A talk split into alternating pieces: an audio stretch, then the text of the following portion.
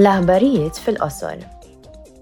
Ilbieraħ il-Kumitat tal-Affarijiet Ekonomiċi u Monetarji kellu r-raba' djalogu monetarju tas-sena mal-President tal-Bank Ċentrali Ewropew Christine Lagarde. Dan id-djalogu monetarju seħħ fi żmien partikolarment ta' sfida, fost inċertezzi u pressjonijiet qawwijin li jwasslu għal inflazzjoni.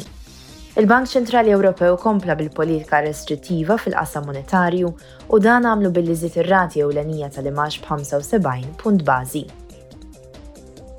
Għada l-Kumitat għall-Affarijiet Reġjonali se jorganizza dibattitu ma' Vitali Klitschko, li huwa s-Sindku ta' Kiev. Fuq l-aġenda nsibu s-sitwazzjoni fil-belt kapitali, Ukrena. Il-Kummissarju Simpson se torganizza laqgħa ta' informazzjoni mal-Kumitat għall-Industrija, ir-Riċerka u l-Enerġija dwar l-aħħar żviluppi relatati mal-kriżi tal-enerġija fl-Unjoni. Illum il-Kumitat Speċjali dwar il-COVID-19 se jkompli jiġbor l-għarfien ta' esperti u jisma' testimonjanzi dwar l-impatt soċjoekonomiku tal-pandemija. Il-Kumitat se jiffoka fuq il-perspettiva tal-ġeneru dwar kif restrizzjonijiet affettwaw lin-nisa, kif ukoll dwar l-impatt tal-pandemija fuq il-persuni vulnerabbli.